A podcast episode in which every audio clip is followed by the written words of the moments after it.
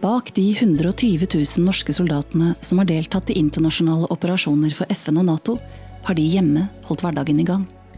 De har ventet og ventet på at sønnen, datteren, ektefellen, mamma eller pappa skal komme hjem. De har holdt motet oppe, mens de samtidig fryktet den verste beskjeden. De fleste fikk sine kjære hjem. Flere fikk hjem en med skader på kropp og sjel. For noen sluttet en del av livet. Disse familiene har gitt sitt, for at andre skal få nyte den freden og friheten vi andre tar som en selvfølge. Hver dag har de vært med soldaten der ute. Jeg husker det som i går. Jeg hadde lagt meg og hørte noen stemmer utafor vinduet.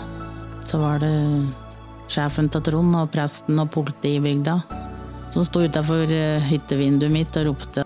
Hadde egentlig ikke sovet, for jeg var veldig urolig. For jeg følte på meg at dette var noe som Jeg hadde jo hørt at det var noe, men jeg visste ikke hva det var som hadde skjedd.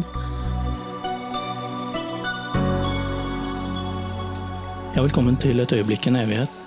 Vi er på Toten, Innlandet fylke, og med meg i dag så har jeg Bjørg. Hjertelig takk for at du vil stille opp i et øyeblikk i en evighet, Bjørg. Jo, takk. Du har jo vært hjemmeværende mens din kjære var deployert en rekke ganger. Du var også en av de som fikk den verste beskjeden man kan få, at han kommer ikke hjem igjen. Men vi kan jo begynne med hvordan var det å takle hverdagen den gangen eh, Trond Bolle, da, som vi snakker om, var stasjonert ute? Til å begynne med så syns jeg vel egentlig ikke at det var noe stort problem. Jeg, disse her gutta her hadde jo drevet og trent for å komme til utlandet. Det tok sin tid før de kom ut, og når de endelig kom ut, så var de veldig sånn gire på det. Og jeg for så vidt uh, ble vel litt gire, jeg òg. Syntes at dette var veldig fint. Og Trond var vel egentlig veldig god til å ufarliggjøre ting. Han var veldig sånn nedpå. Så jeg tenkte aldri at det, det, var noe fare sånn til å begynne med. Nei. Fordi dere diskuterte liksom ikke jobben hans sånn fra dag til dag? Nei, det gjorde vi ikke. Han dro ut og sa hvor lenge han skulle være ute, og kom att. Og da prater vi jo på tinga. Til å begynne med så syns jeg nok ikke det var noe sånn veldig heavy ting han drev med, egentlig. Men etter hvert som tiden gikk, dere fikk jo familie. Endret det seg noe da? Vet du, Odin han Odin er født i 94. Da var han jo ute da begynte han jo å komme ut litt mer, ja. Trond. Jeg hadde så mye med Odin å gjøre. Han er jo utviklingshemmet. Han måtte ha hjelp 24 timer i døgnet. Jeg tror jeg hadde nok med Odin å gjøre, så jeg var ikke så veldig opptatt av Trond sin jobb da. Men at han ikke var til stede og var der, var det et, stort savn? Ja, men, men, sånn var det jo. Trond måtte jo jobbe, og jeg, noen måtte jo jobbe. Og han for å si det. Han digger jobben sin. Nei, det var eh, Jo, jeg ville jo selvfølgelig hatt mer hjelp til Trond angående Odin, men eh, sånn var det. Og jeg, jeg visste jo jeg måtte klare Odin aleine. Jeg hadde ikke, noe, hadde ikke noe familie i Ramsund, der vi bodde da. Så jeg tenkte ikke sånn. Jeg tenkte at Trond jobber, og jeg er hjemme. Mer, jeg jobber jo jeg òg etter hvert, da, men eh, sånn var det. Jeg tenkte ikke at det var noe Nei, men du, jeg er egentlig ganske enkel, skjønner du, sånn. Så jeg, jeg er lettvint, er det vel jeg er. men, men, Trond dro da ut uh, til tidlig Jugoslavia, til uh, Kosovo. Han jobbet i Bosnia. Han jobbet, uh, jobbet med mange forskjellige virksomhetsområder og, og ble stadig mer engasjert og sendt ut flere ganger. Husker du tilbake om det var, var det noe urolig for det, eller var det, var det fortsatt bare jobb? Nei, men jeg var ikke urolig.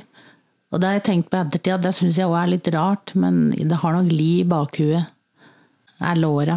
Eh, men jeg var ikke urolig da. Og det var at, som jeg sa, at han, han ufarliggjorde det også.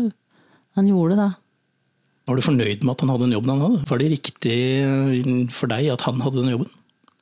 For meg var det jo ikke viktig at, at han eh, jobbet der, men jeg så jo at det var viktig for han. Eh, jeg skjønte det. Jeg skulle ønske at jeg kunne ha samme jobben. Eh, og Trond sa jo Bjørg, nå følger du meg i seks år, så skal jeg følge deg i seks år etterpå. Men det ble jo aldri noe ta. Men det var jo for Odin kom og hadde Jeg så jo at eh, dette måtte jeg fikse. Trond hadde ikke fikset dette hjemme. Nei. Og Trond hadde jo andre Han var jo ute av Forsvaret, og jeg så at det funker ikke for han. Det høres litt dumt ut, men jeg føler at eh, jeg kan gjøre eller jobbe med veldig mye forskjellig. Og jeg, trives, jeg bestemmer for å trives i jobben uansett hva jeg jobber i. Men det var nok ikke så enkelt for han. Han måtte ha noe spennende i jobben. utfordringen. Ja, Som mennesketype så har man jo fått Ja. inntrykk av at eh, Trond eh, var en rolig sjel. Ja, absolutt. Han, når han kom hjem igjen, så var det nok veldig mye tanker. Da gikk han veldig mye rundt i hagen og pusle, egentlig. Og satt og tenkte veldig mye. Ja. Var det litt sånn at du, ventet jo på selvfølgelig at han skulle reise ut igjen, for det lå jo i, i yrket hans. Gikk du og var urolig for det, eller var det bare sånn det var?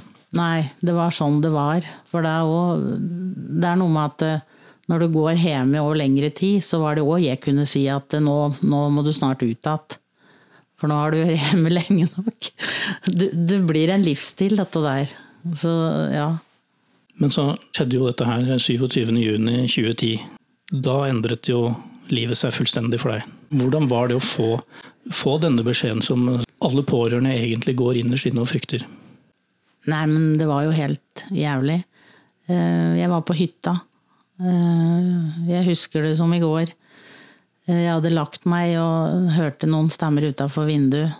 Så var det sjefen til Trond og presten og politiet i bygda som sto utafor hyttevinduet mitt og ropte, at, eh, ropte på meg, da.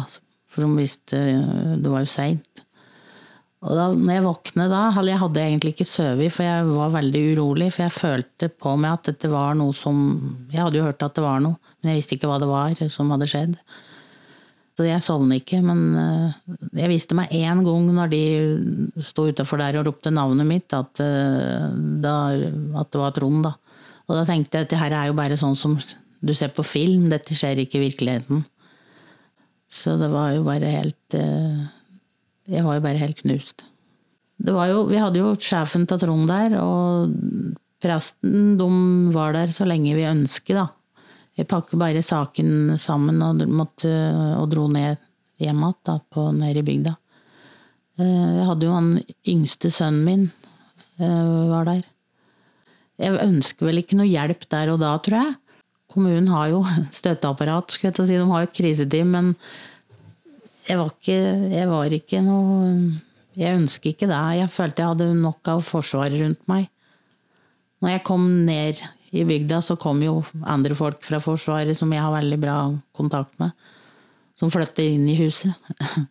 Så jeg fikk jo den, absolutt den hjelpa jeg trengte der og da. Det blir jo litt sånn spesielt, men du hadde jo da yngste sønnen nær deg. Du måtte ta deg han også opp i dette her. Hvordan forklarer man for et lite barn hva som har skjedd? Det er ikke så enkelt, for du vet ikke hva som går inn. Du sier at pappa er død. Om hun helt skjønte hva det gjaldt, det var at, eh, at pappa var borte. Pappa var veldig vant til å være borte over lang tid. Eh, Men heldig, heldigvis, for å si det sånn, så har de opplevd andre i familien som er døde, da. Så du må jo forklare noe rundt der. Hvor lang tid tok det før du eh, begynte å forklare omstendighetene rundt dette her for Håkon? Vet du, Jeg syns egentlig at det gikk, at det gikk altfor enkelt for Håkon. Han var jo da ni år når pappaen døde. Eh, Så tenkte jeg at det går jo altfor bra. Hverdagen gikk jo, men vi var jo vant til at hverdagen gikk uten pappa. Skolen, alt skulle jo gå som normalt, men jeg, han ble jo stillere eh, og mer Ja, han ble stillere. Og jeg sa det på skolen at eh, merker de ikke de at han er inne i sin egen boble? For jeg var jo veldig i min boble.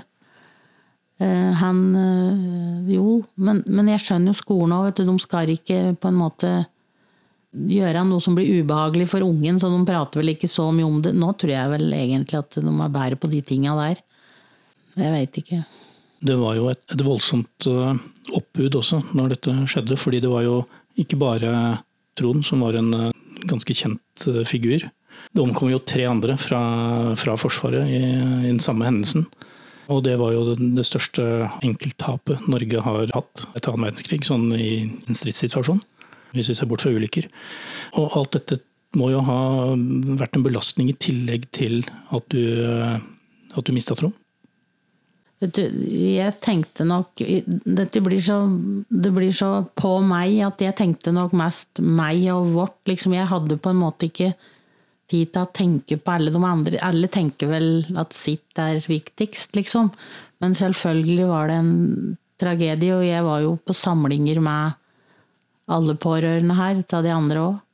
Jeg var i, Harstad med kystjegere, der de andre gutta var, da. Men det var spesielt ei jeg pratet med som har vært her, da. Alt det seremonielle som ble satt i gang da de kom hjem, da de førte de hjem, med mottagelser eh, på Gardermoen. Garden, kister med flagg og sånn. Var det noe du klarte å forholde deg til? Jeg husker jo veldig godt den der Herkulesen landet, og vi satt inni der og ventet på de kistene, ja. Men jo da, altså Vi førte ut, og jeg forholder meg til det. Jeg syns jo bare det var Jeg var jo i min boble alt da.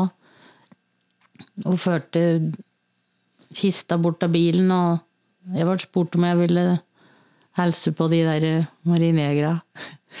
Jeg husker jeg, jeg husker jeg sa at ja, jeg skal hilse på dem hvis jeg får lov til å klemme dem. Jeg må, jeg klarer ikke bare å stå foran dem. Så det fikk jeg lov til, da. Og det var, det var liksom Det var et veldig sterkt inntrykk. Der står de alle liksom og ser jeg kommer, på en måte. Og jeg føler liksom det ble så voldsomt, men veldig fint. Eh, så det var en veldig fin ting jeg fikk lov til å gjøre. Og så husker jeg gikk tilbake til kista, så kjørte, kjørte bilen. Og den skulle da på Noen skulle da obduseres, så den ble ikke kjørt hjem om Ja. Eh, men alt var jo Det var jo veldig voldsomt, ja, for kronprinsen var der, og jeg følte egentlig at kronprinsen satt og så på Håkon. Vesle Håkon. Ja. Nå ble jeg litt sånn Ble litt inne i situasjonen at ja. I dagene som kom etter, fikk du tid til å sørge? Jeg gjorde vel på en måte da Jeg klarte ikke å gjøre noen ting. Jeg satt der bare. Og jeg hadde folk rundt meg som jeg kjente, som gjorde tinga for meg. De kom og spurte meg liksom, hva vil du ha på kista, vil du ha flagg, vil du ikke ha flagg? Vil du, skal det være én prest, skal det være to prester? Jeg, jeg, kunne bare si ja og nei. Jeg klarte å forholde meg til ja og nei, men jeg husker den sommeren var det veldig fint vær, så jeg satt stort sett med Håkon ute i hagen her. Og svarte ja og nei, og så sa jeg, vet du, hvis de Jeg, jeg klarer ikke å huske noen ting. Jeg følte liksom ett minutt så var det borte jeg, de må huske for meg, husker jeg sa. Eh, jeg begynte jo å lure på om jeg begynte å bli dement etter hvert. vet du, For jeg husker jo Det tok lang tid før jeg husker ting. Mm. Hvis vi hopper litt fram, så fikk jo også Trond tidligere krigskors med sverd eh, på Smårtem. Og du og Håkon var jo på festningsplassen tok imot. Ja. Hvordan var det? Kom alt tilbake igjen da? Dette var jo eh, en stund senere. Ja, men på en måte så følte jeg vel jeg begynte å bli vant til alle de folka da, å forholde meg til. For det var jo veldig mye som skulle ha sine historier, da. Intervjuer og sånn som jeg Så jeg, jeg følte vel at det ene overtok det andre. Så når den kom, så følte jeg at jeg hadde vært på en måte i det. Det ble liksom aldri slutt. Eh, så jeg følte ikke at der kom plutselig at nei.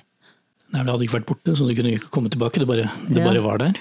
Det, hele tida så var det noe. Det var noen tilstelninger, eller det var noe, eh, noe hele tida. Og da var det der, liksom. Og hele tiden så hadde du Håkon du som skulle ta det av, eh, og passe på at han fikk den oppfølgingen han trengte. Gikk det greit? Ja. Håkon og jeg har jo pratet mye hele veien. Så Håkon var jo med på det meste. Så det gikk greit, da. Ja. Følte du da, eller føler du også nå at uh, du, du, er fortsatt i Forsvaret, på en måte? At du klarer du å slippe ut av det? Um, Hvis jeg hadde måttet, ja, så hadde jeg klart det. Ja. Men jeg liker ikke å tenke på at jeg må. Jeg liker å være der. Ja, for du har jo fortsatt kontakt med spesielt Marinekommandoen. De markerer jo hvert år 27. juni. Jeg vet at de hadde en eh, tilstelning nå, ti år etter. Har du nær kontakt med avdelingen? Ja, det vil jeg si. Ja, så vi har en tilstelning her, hjemme her. Eh, den nærmeste helga rundt den 27. juni, som du sa. Eh, det er lysthuset ute i hagen her, det er jo Marinekommandoen som har bygd. Der er vi da hvert år og, og har markert den dagen. Tronddagen, som vi kaller den her. Mm. Er det viktig for deg å, å fortsatt holde tak i det? Det har vært viktig, men nå er, det, nå er, det, gått ti år, så nå har vi vel egentlig vært enige at nå må vi slippe det. Ja. Så om jeg vil Og det, det ligger over en, vet du. Det ligger over meg at ja, da må jeg ordne alt, liksom, til da. Ja. Så egentlig er det helt greit å ikke tenke at jeg må. Eh, men at jeg blir markerer noe på en eller annen måte, blir jeg sikkert gjøre. Ja. Har du fått en oppfølging fra Forsvaret som du nå i ettertid ser at du trengte? Er det noe du savner der? Jeg har vel egentlig fått det jeg har trengt, tror jeg. For jeg tror jeg hadde sagt ifra hvis jeg ikke hadde fått det. Jeg føler meg veldig sterk. Jeg tror jeg klarer meg uansett, jeg, vet du. Så, men jeg må jo bare svare for meg. Så jeg, ja, jeg har vel For meg så hjelper det å ha kontakter som i Forsvaret som kjente Trond, da. Og jeg har kjent støtt, så jeg har, jo, jeg har jo gode venner som eh, familier som er for, som jeg har vært kjent med gjennom Forsvaret, som jeg fortsatt har kontakt med, og som er viktig for meg å ha kontakt med. da. Men jeg går jo ut fra at uh, Forsvaret har lært mye av disse episodene, at de blir bedre og bedre på, på ting. Nå hørtes det ut som jeg var misfornøyd, men det var jeg jo ikke. Men for min del så har det gått bra, ja. Som vi vet så er Trond en skikkelse som har vært en del i media også. Og du har jo skrevet en bok om deg og Trond. Så de som vil vite mer om Trond Bolle, de vil jo bare henvise til både den boka og et par andre bøker som er skrevet om han. Men alt, alt det som nå blitt, etter hendelsen har blitt eksponert, er det noe du forholder deg til? Om han og det han gjorde? Ehm, jeg vet, jeg vet hva Trond var ute på, og jeg vet hva Trond gjorde, tror jeg. Eh, det meste. Å forholde meg til hva han jeg er, jo, jeg er jo veldig stolt av Trond. Eh, vet du, Trond for meg så var Trond på en måte litt udødelig. Han kunne for så vidt gjøre hva som helst. Var, og når jeg var med Trond på ting, jeg var utrolig trygg. Jeg trodde ingenting kunne skje. Om vi var på havet eller om vi var på fjellet. Så, så, det spiller ingen rolle hva som står her eller der for meg altså, i altså, bøken. Jeg føler øh, at jeg kjente Trond. Ja. Jeg har for så vidt ikke lest i boka mi heller. kom ut. Jeg jobbet så mye med at jeg øh, visste hver linje, så jeg Ja. Mm. Jeg har fått mye tilbakemeldinger folk som har lest i boka, da, som dette her med at nå må jeg sitte på verandaen siste kapitlet, for nå bare griner jeg og sånn, vet du. Det er jo veldig koselig å høre, da. Så det viktig med boka, var at, var at for min del, da, at de skulle kjenne at meg, veldig meg og Trond i boka, da. Og den, og den, boka den har vært veldig, jeg er helt sikker på, når du spør om jeg har fått nok hjelp og sånn, den boka har nok gjort at jeg har fått bearbeide meg veldig. For jeg måtte gå helt tilbake i mitt, begynnelsen av mitt liv. da, Og opp og måtte tenke gjennom hele, alle åra oppover. Vi begynte med årstall og alt. Og det var nok en veldig, veldig stor eh, bearbeiding for min del. Så den har nok hjulpet meg veldig, uten at jeg helt veit det, men som jeg har tenkt på i ettertid. Hvis du ser litt fremover, så vil jo slike ting kunne skje igjen. Er det noe du føler på de gangene du, du, ser på nyhetene eller hører at nå har det skjedd en incident? Er det noe som treffer deg spesielt da? Det som treffer meg, er jo at eh, jeg tenker på situasjonen med Trond. Og hva som skjedde. Og tenker på pårørende rundt det. At de har det forferdelig. Men det ligger ikke der så lenge. Nei. Jeg tenker at hvis noen vil prate med meg, så kan de ta kontakt, og så gjør de kanskje det, tenker jeg også. Men jeg er jo ikke noe god til å være på tilbudssida, jeg er jo ikke det. Vi snakket litt om at du fortsatt har kontakt med avdelingen. og Er det litt sånn at Forsvaret er som en ja, ekstra familie for deg? Ja, så absolutt. Jeg er vel litt, som jeg sa, litt redd for å Jeg liker å ha, ha dem der. Og vite at jeg har dem der. Eh, de har støtt vært en Jeg har støtt følt det som den storfamilien. Eh, det med Forsvaret og Marinekommandoen. Og nå har jo Håkon begynt i militær førstegangstjenesten, så nå får jeg vel være der fortsatt. Ja, du kan jo i hvert fall språket og militærslangen. Ja, jeg tror det. Nå er det jo sånn, eh, Bjørg, at eh, din eldste sønn Odin, som er utviklingshemmet, han har jo ikke språk. Hvordan formidlet du etter hvert dette her til Odin? For han også skulle jo vite det. Ja, det er jo ikke så enkelt. Men eh, der igjen, da, så har vi i Oldemor til Odin, bestefar til Odin, farmora til Odin var døde. Og jeg kunne forklare at Odin husker de folka der veldig godt.